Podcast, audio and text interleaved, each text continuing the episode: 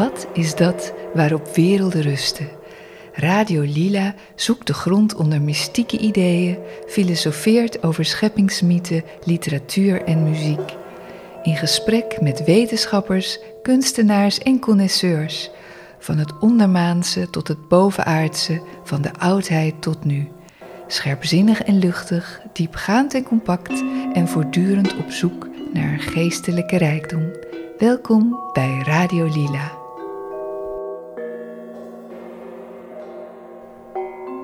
Dag allemaal. Vandaag gaan we het hebben over Krishnamurti, ook wel K genoemd. Hij was een revolutionaire denker en spreker uit de vorige eeuw.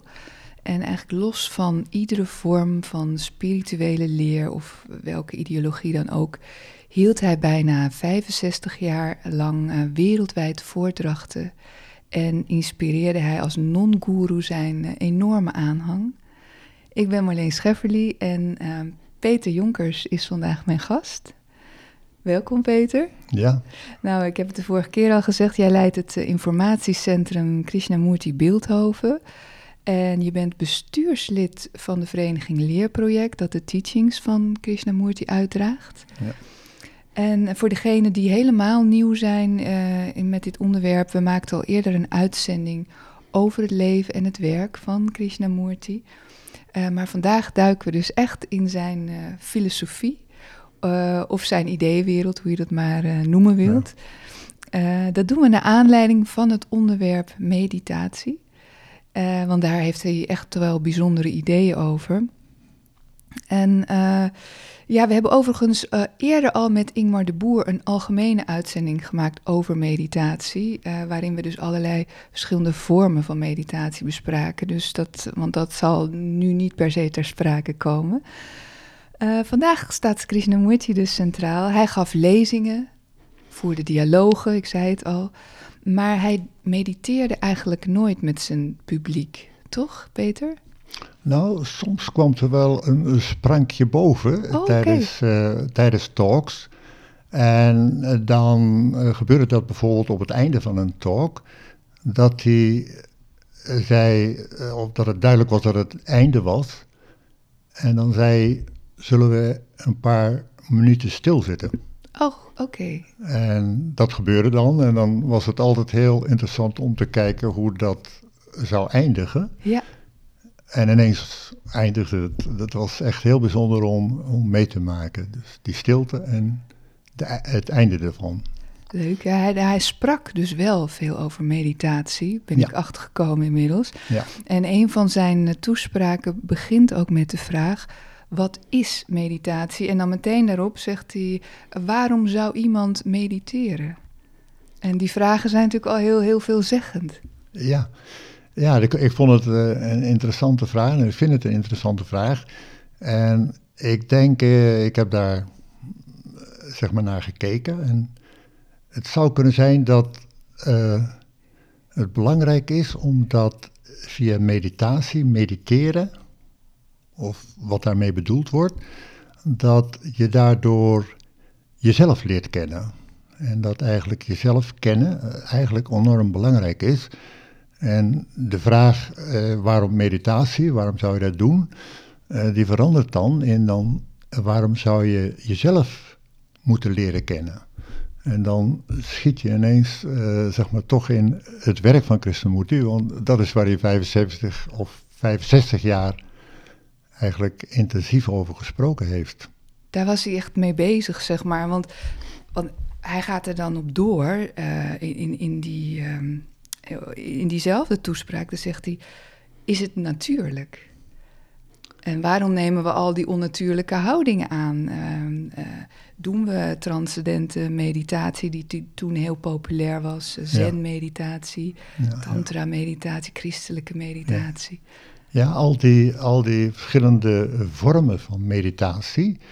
Uh, ja, je moet, of je moet, ja, je moet niks natuurlijk, maar als je luistert naar Krishnamurti, uh, dan hoor je eigenlijk dat uh, de psychologie van de mensen, de, de psychologische structuur, uh, eigenlijk een, een, een, aangeleerd proces is. Dus de, de structuur van de mens draait eigenlijk om het centrum, het psychologische centrum van de mens.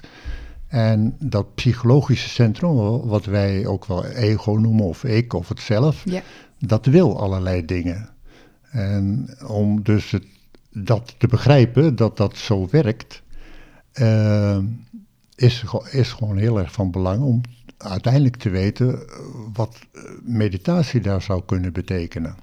Ja, want eh, de vraag is ook van hem: van hoe kun je wel zonder al die dwangmatigheid mediteren? Nee, dus. dat, is, dat is heel duidelijk. Maar om dat werkelijk te begrijpen of te zien dat het zo is, uh, zul je toch eh, moeten kijken hoe, hoe de psychologische structuur van jezelf ja. in elkaar zit, hoe dat werkt. Ja, want hij, hij gaat dus de, die, de, volledig die, die hele motivatie van meditatie eh, ontleden. Dat, is, dat vind ik heel interessant. Ja. Hij ga, uh, vraagt zich af waarom mensen willen mediteren. En dat komt natuurlijk eigenlijk ook terug op die ene vraag. Ja. Waarom zou je het doen? En, en zijn conclusie die is ook helemaal niet mals. Want uh, hij ziet er dus niks in om je geest rustig te maken. Uh, om bijvoorbeeld weer uitgerust aan je stressbaan te beginnen. Of om je problemen te ontvluchten, dat is ook een motivatie, in plaats van ze op te lossen. Uh, maar hij ageert eigenlijk vooral tegen de drang naar controle. En ja, mijn vraag is dan, wat is er mis met het hebben van controle? Het hebben van? Controle. Controle. Nou, uh, we, we praten over de psychologische structuur van mensen. Hè? Dus, mhm. dus hoe, hoe, we, hoe we in het leven staan en, en zeg maar de filosofie die we aanhangen en wat we leuk en niet leuk vinden en zo. En die structuur is voor elk mens eigenlijk wel een beetje verschillend. In bepaalde culturen is dat wel min of meer gelijk. Hè? Want dan zeggen mensen, wij zijn typisch Fransen en zo. En we hebben de Franse cultuur in ons. Maar uh, de, als je van een grotere afstand kijkt, dan, dan is dus kenmerkend voor de mens dat het, er een psychologische structuur is die rondom een, een, een centrum is gevormd. Dat, dat is een, en dat centrum is eigenlijk een bepalende factor in wat je wel en niet doet. Ja. Dus het centrum gaat op een gegeven moment zeggen, hey, ik heb uh, wel behoefte om te mediteren, dus laat ik maar gaan mediteren. En als je dan gaat shoppen, dan kun je natuurlijk van alles vinden om uh, van allerlei methodes vinden om uh, te mediteren. En Christel moet hij zeggen, we zeiden net ook al, uh, mediteren is van, van belang. Volgens mij is dat wel echt een essentie om jezelf te leren kennen. Ja. En het is dus niet, het is niet van belang om een methode te leren kennen, maar het is van belang om jezelf te leren kennen. En dat is de essentie, denk ik, uh, je zou haast kunnen zeggen, de eerste stap ja. om te gaan mediteren. Nou, hij zegt ook ergens, uh, meditatie is uh, ongeplande, ongeplande kunst.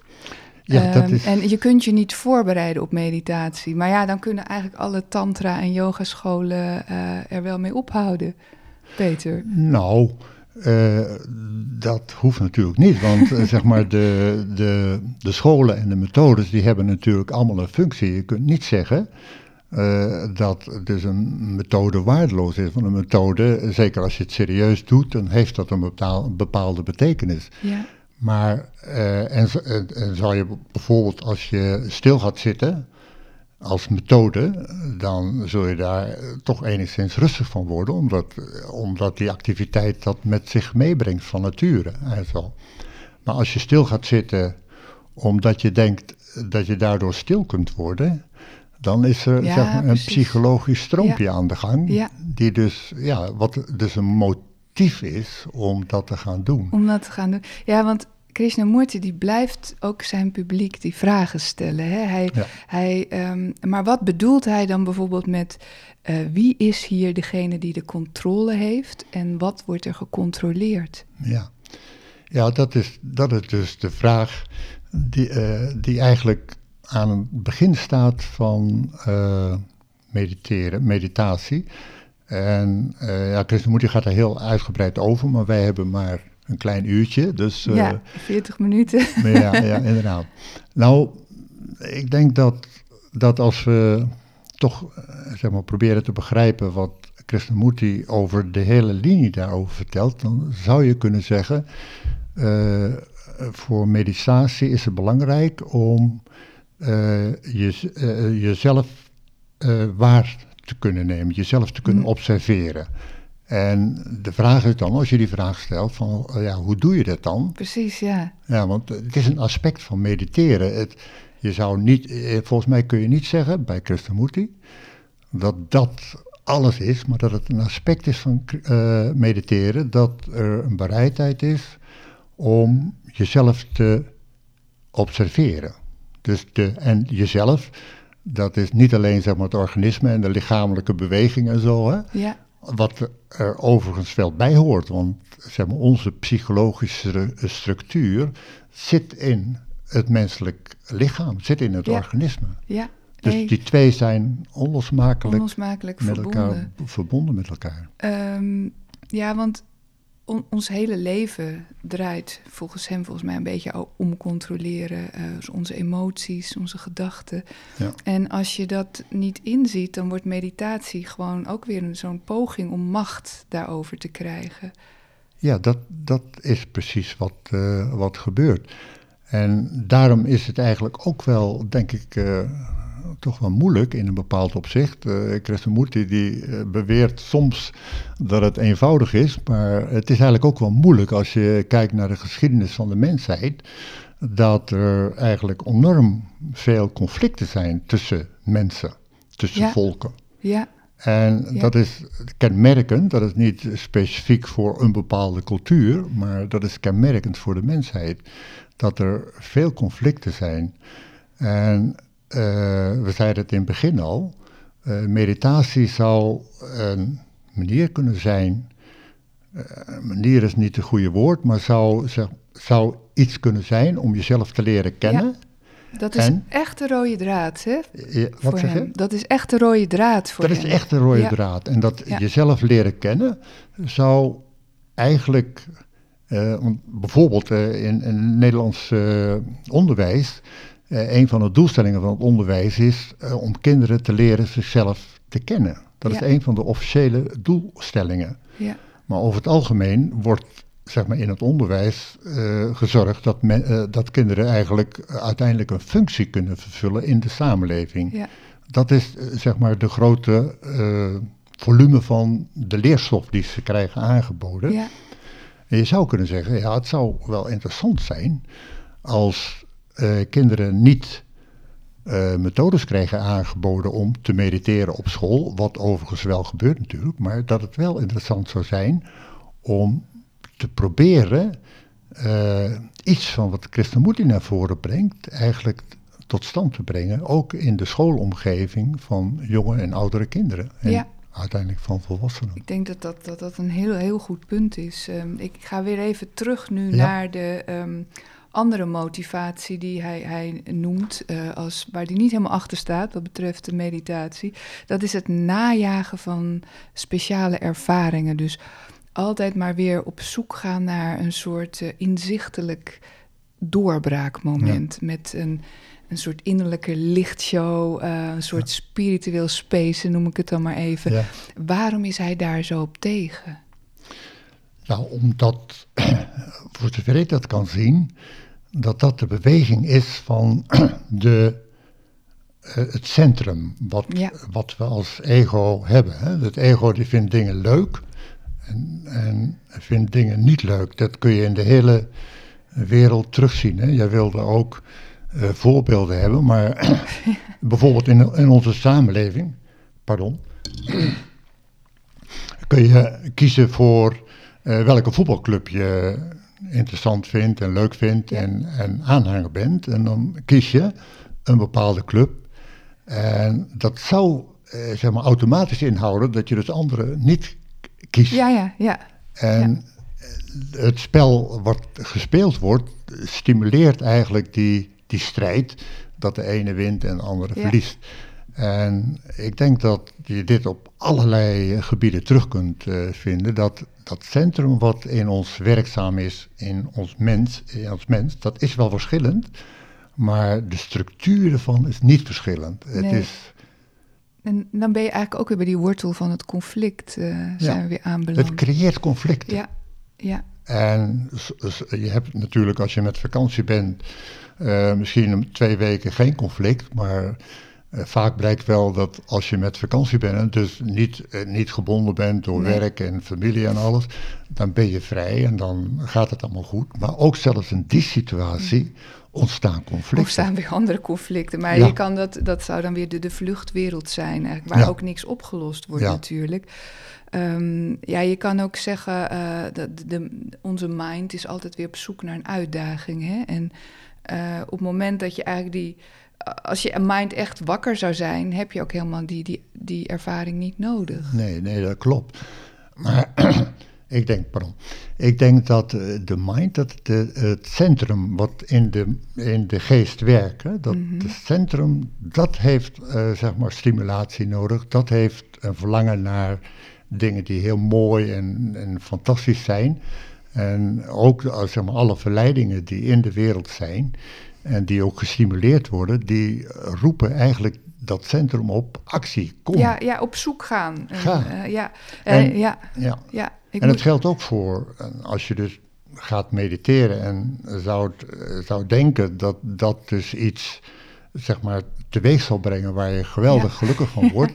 Ja. Dat is hetzelfde proces. Ja, daar is het. Ik moet nou denken aan een uitspraak van Voltaire. Die zei ook: Niemand heeft gevonden of zal ooit vinden. Nee, Of eh, Picasso, die kon ik ook nog vinden. Ik zoek Ja. niet, ik vind.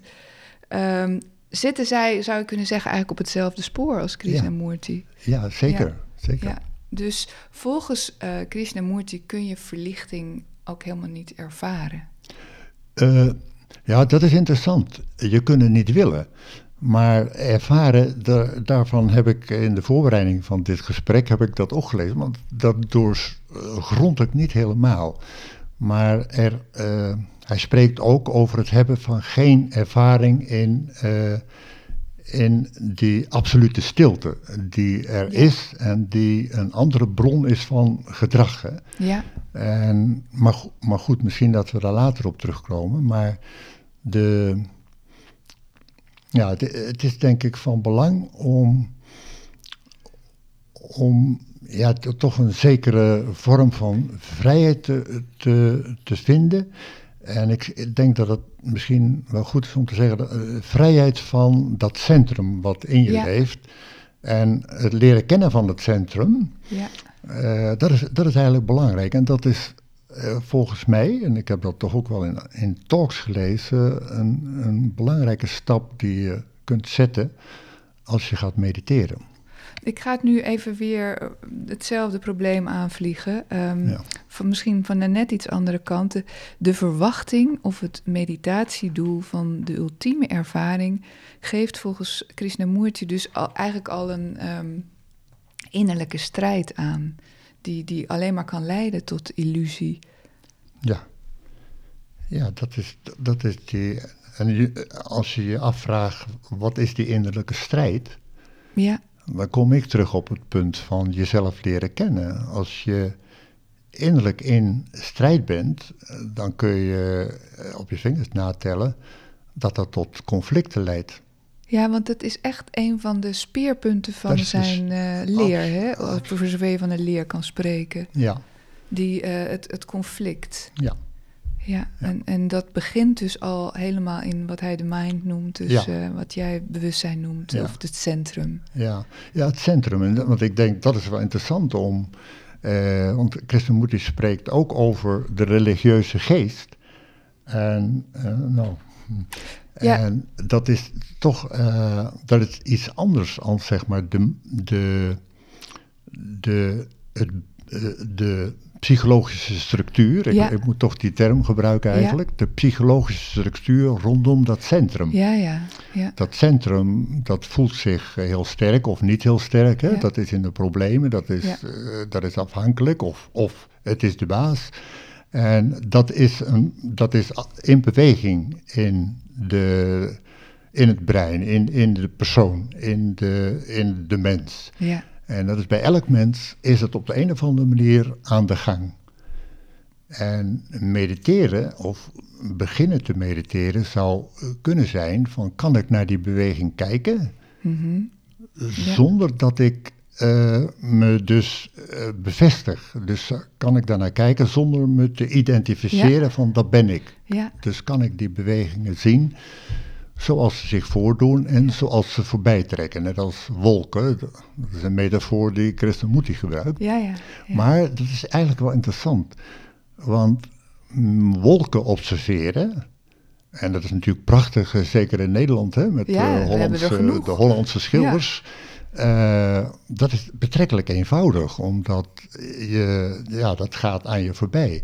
Maar de complexiteit van de psychologische structuur is, is veel moeilijker om dat waar te nemen, omdat je direct, als je, als je gaat waarnemen, direct reacties krijgt van, oh, daar ben ik niet, Ja. of ja, daar ben ik wel. Ja. Dus, dus die bevestiging, ja. wanneer het observeren daarvan start, eh, ja, dat, dat creëert eigenlijk een bevestiging van het centrum. Nou, is het mogelijk?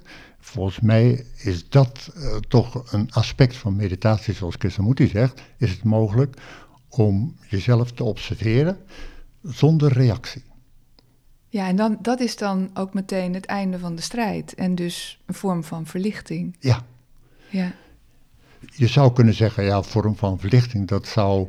Maar dat is wel, wel interessant, omdat, eh, ja, eh, verlichting is, is, zeg maar, in de literatuur en ook in de, in de kennis die mensen hebben, hè, en wat binnen de theosofie, in de wijsheid, eh, tradities, dat komt dat op hele mooie manieren terug, op, in allerlei verhalen. En dat, die verhalen zijn eigenlijk weer op zichzelf verleiders om zeg maar zo'n verhaal te gaan aanhangen. Hè? Dus eigenlijk, oh Ja, hier ja, staat iets ja. waar, ik, waar, ik me mee, eh, waar ik mijn leven mee veilig kan maken, rustig kan maken en zo. Hè? dat je het gaat vastzetten weer in een, in een geloof of in een overtuiging. En, eh, Dus het mooie is, denk ik, dat eh, je die verhalen kunt lezen met een mind die eh, rustig is. De, de Quiet Mind. Eh, ik geloof dat er een boek uitgegeven is eh, door eh, de Foundation in Engeland, eh, The Quiet Mind. En dat zijn talks van Krishnamurti die specifiek op dat punt van stilte gekozen zijn. Dus, oh, mooi. Ja, oh, dat klinkt goed. Ehm, ja, zelf organiseer ik dus ook een meditatiegroep. En dat Ja. is vaak naar aanleiding van een tekst. Dus we, we, we kijken inderdaad naar allemaal eh, verschillende tradities.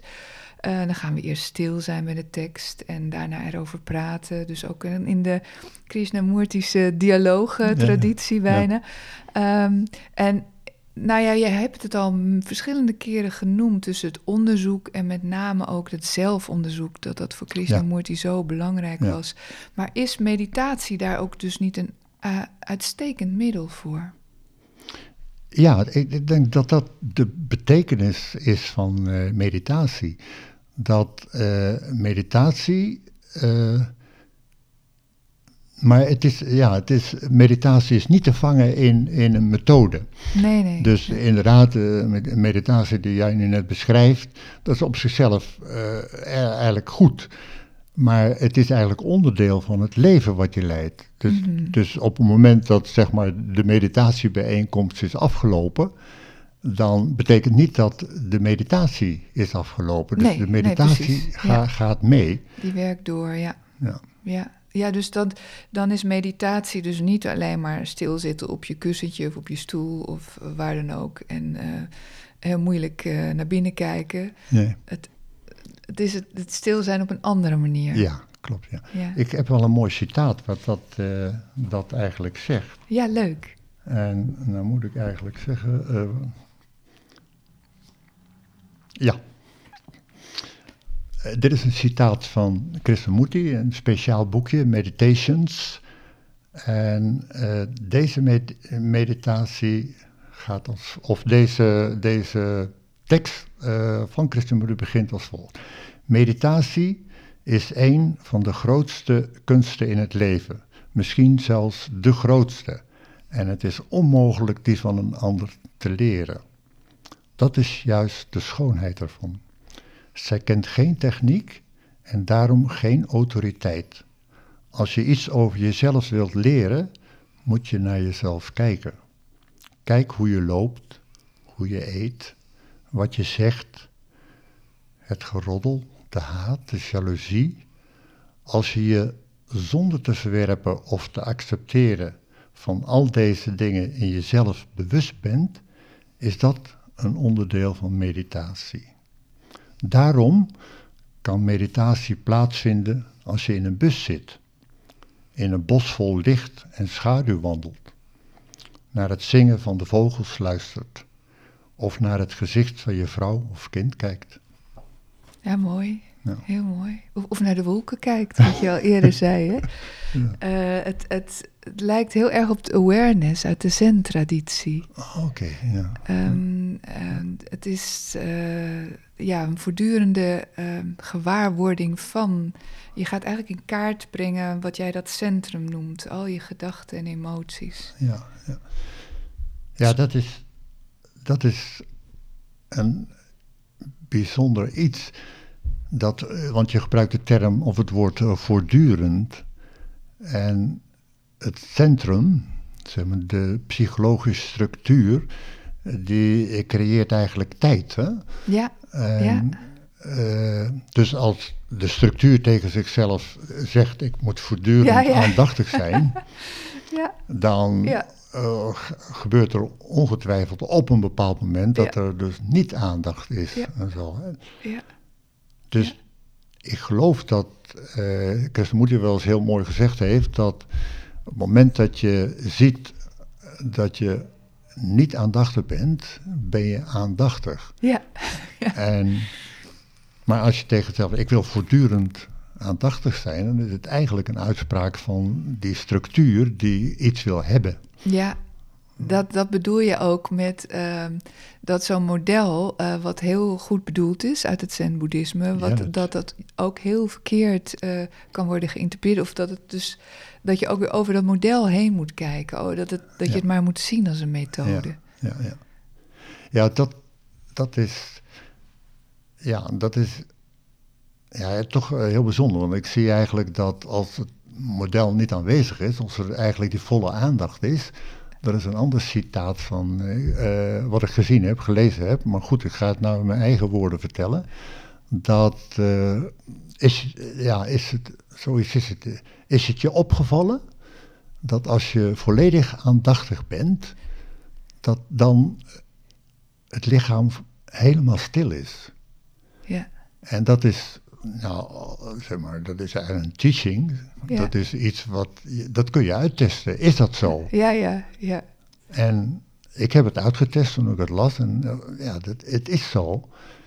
En, maar die stilte van het lichaam, dat, dat verandert, want ja, er, er moet wat gebeuren of zo. Ja. Je, je, moet ergens naartoe. Ik ben nu naar Amsterdam gekomen ja. en uh, er zijn allerlei dingen die eigenlijk gebeuren uh, moeten.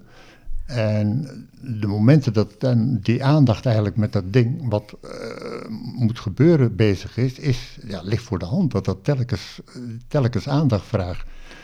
Maar ja. mediteren, meditatie, is dat je beseft dat het belangrijk is om volledig aandachtig te zijn voor het moment waar je eigenlijk in bent. Zo, zoals ja. nu natuurlijk. Maar ja, op het moment zou je ook kunnen zeggen dat op het moment dat de stilte je opvalt, wie, wie is die waarnemer die, die die stilte dan weer opvalt, dan zit je alweer in dat centrum, vanuit het centrum te werken. Ja, ja.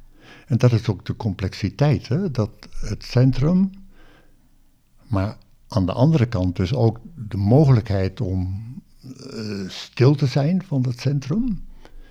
En een stap verder is eigenlijk dat als het centrum niet in beweging is, dat er een andere waarneming is en zo. Ik zou haast kunnen zeggen dat, dat er een, een vorm van leegte is. Ja. En die leegte, die is, die is eh, misschien eh, onaangenaam als je daar tegenaan kijkt, dat je, dat je niets of niemand bent. Ja. ja. En het, hetzelfde structuur die zal protesteren en zeggen ja. van, hé, hey, wacht even, ik, ik ga wel even... Ja Ja. Met, eh, ja, ik ga even wat doen of zo. Ik ga even naar een film toe of, ik, of, ja, of je hebt wat in de agenda staan. Dus er is telkens die afleiding. En dat je eh, eigenlijk niet toekomt aan dat moment van volledige stilte, dat het, de structuur van jezelf eigenlijk compleet in, in rust is. En er eigenlijk geen afscheiding in- meer is tussen eh, de buitenwereld en de binnenwereld. Een soort nultonus eigenlijk van de mind, zou je kunnen zeggen. De mind is dan, ja, ja, is dan niet meer de afgesloten ruimte, maar de mind is dan eh, de onmetelijke ruimte. Ja. Ja. Mm. Ehm, dat, eh, precies, ja.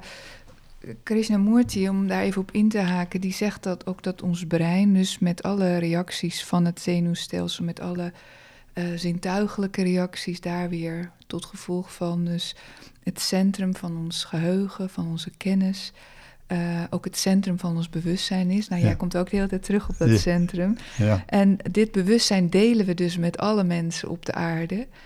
En dus ieder van ons is de hele mensheid. ja, Ehm, en door dit te beseffen, dus door die hele eenheidsgedachte, eh, zou er ook misschien wel een eind komen aan ieder conflict. ja. Eh, zou je kunnen zeggen dat dit besef eigenlijk de, de, de ware meditatie is voor Krishnamurti? Nou, je zou haast kunnen zeggen dat dat het eh, belang van, van meditatie is. Dat dat, dat, dat einde van, van die, dat centrum in de psychologische structuur. Hè? Oh, dat klinkt heel moeilijk, maar ja, ja, ja. dat er een, een, een state of mind is, een, een toestand is, die zonder conflict is. Ja. En dat zou je eh, werkelijke vrede kunnen noemen. Als mensen eh, vrede moeten sluiten, zoals de oorlog die nu gaande is, hè, ja. dan eh, gaan mensen bij elkaar zitten om vrede te sluiten en dan worden de belangen van elkaar afgewogen. En afhankelijk van de druk wo- wordt er dan een, een vredesverdrag gesloten. Maar dat vredesverdrag wat op die manier gesloten wordt, is altijd weer een motief om opnieuw Ja. strijd te gaan Ja. voeren. Omdat het altijd nadelig is voor de een of nadelig is voor de andere. De kiem van een nieuw conflict weer. En ja, niet. Eh, maar het blijkt dus, en het, het is mogelijk, en, en Krishnamurti zegt eh, soms in zijn toespraken dat hij ziet dat het mogelijk is om toch in die toestand van absolute vrede te leven, zonder conflict. En ik denk dat dat perspectief, wat eh, dus in de teaching zit, dat dat ook daadwerkelijk eh, de waarheid is, of in ieder geval iets wat mensen zouden kunnen beleven, als ze dus serieus kijken naar wat meditatie is, zoals Krishnamurti daar steeds weer opnieuw over spreekt. Nou, we gaan nu even eh, fast forward, want Krishnamurti die leefde tussen 1895 en 1986. Nou, het was echt een totaal andere tijd. Er was nog amper internet, ehm, bijna niemand had thuis een computer, smartphones waren nog niet eens uitgevonden. Eigenlijk door alle eh, moderne technieken zijn we in een soort 24-uurs-economie eh, eh, beland. En onze wereld lijkt ook echt steeds sneller te draaien. Zou Krishnamurti, als hij dus nu had geleefd, ehm, niet meer ontspanningstechnieken propageren? Of, of hoe zou je in de geest van Krishnamurti in deze tijd het beste kunnen mediteren? Ja, wat, wat we eigenlijk al zeiden, ik denk dat het inzicht in jezelf, dus het inzicht in jezelf dat er een centrum is, wat, wat de, het, het centrum is van de activiteiten die je doet, hè, het leven wat je leidt. En dat centrum, dat creëert eigenlijk eh, conflicten. Ja. En als je dat eh, eh, niet inziet, dan is de toekomst van die mens eh, tamelijk eh, eh, ja, voorspelbaar? Ja, voorspe ja, inderdaad voorspelbaar. het, het, is toename van conflicten, toename ja, van ja, geweld. Ja, dat dit hele wiel van samsara draait dan lekker door, precies. zeg maar. Dus het inzicht is eigenlijk enorm belangrijk. Ook in deze tijd, vooral in deze tijd. Ja. En ja, wat, wat we van belang vinden is, ik denk dat daarom de, de, de teachings een rol spelen, maar wij zelf ook, kunnen we wat we ervan begrijpen en wat we van onszelf begrijpen, hoe we, we zelf in elkaar zitten, na onze meditaties, Ja, ja, ja. zal ik maar zeggen, dan is daar een, eh, ja, een eerste stap eh, naar een, een, een andere, andere samenleving, een andere wereld, Ja. die, eh, die niet als ideaal, maar eigenlijk die ja, zonder, die, eh, zonder, eh, zonder eh, tijd eh, direct ontstaat. Het is een soort verbeterde wereld, begin bij jezelf, eh, filosofie ook. Nou, dat vind ik, dat, vind ik, dat is een formule die, ik vraag me af eigenlijk of dat eigenlijk werkt. Want eh, ik denk dat eh, de psychologische structuur, het denkproces dat eh, zeg maar direct oppakt. Ja, ja, ja. Die, die Ik denk dat gaat ermee aan de haal.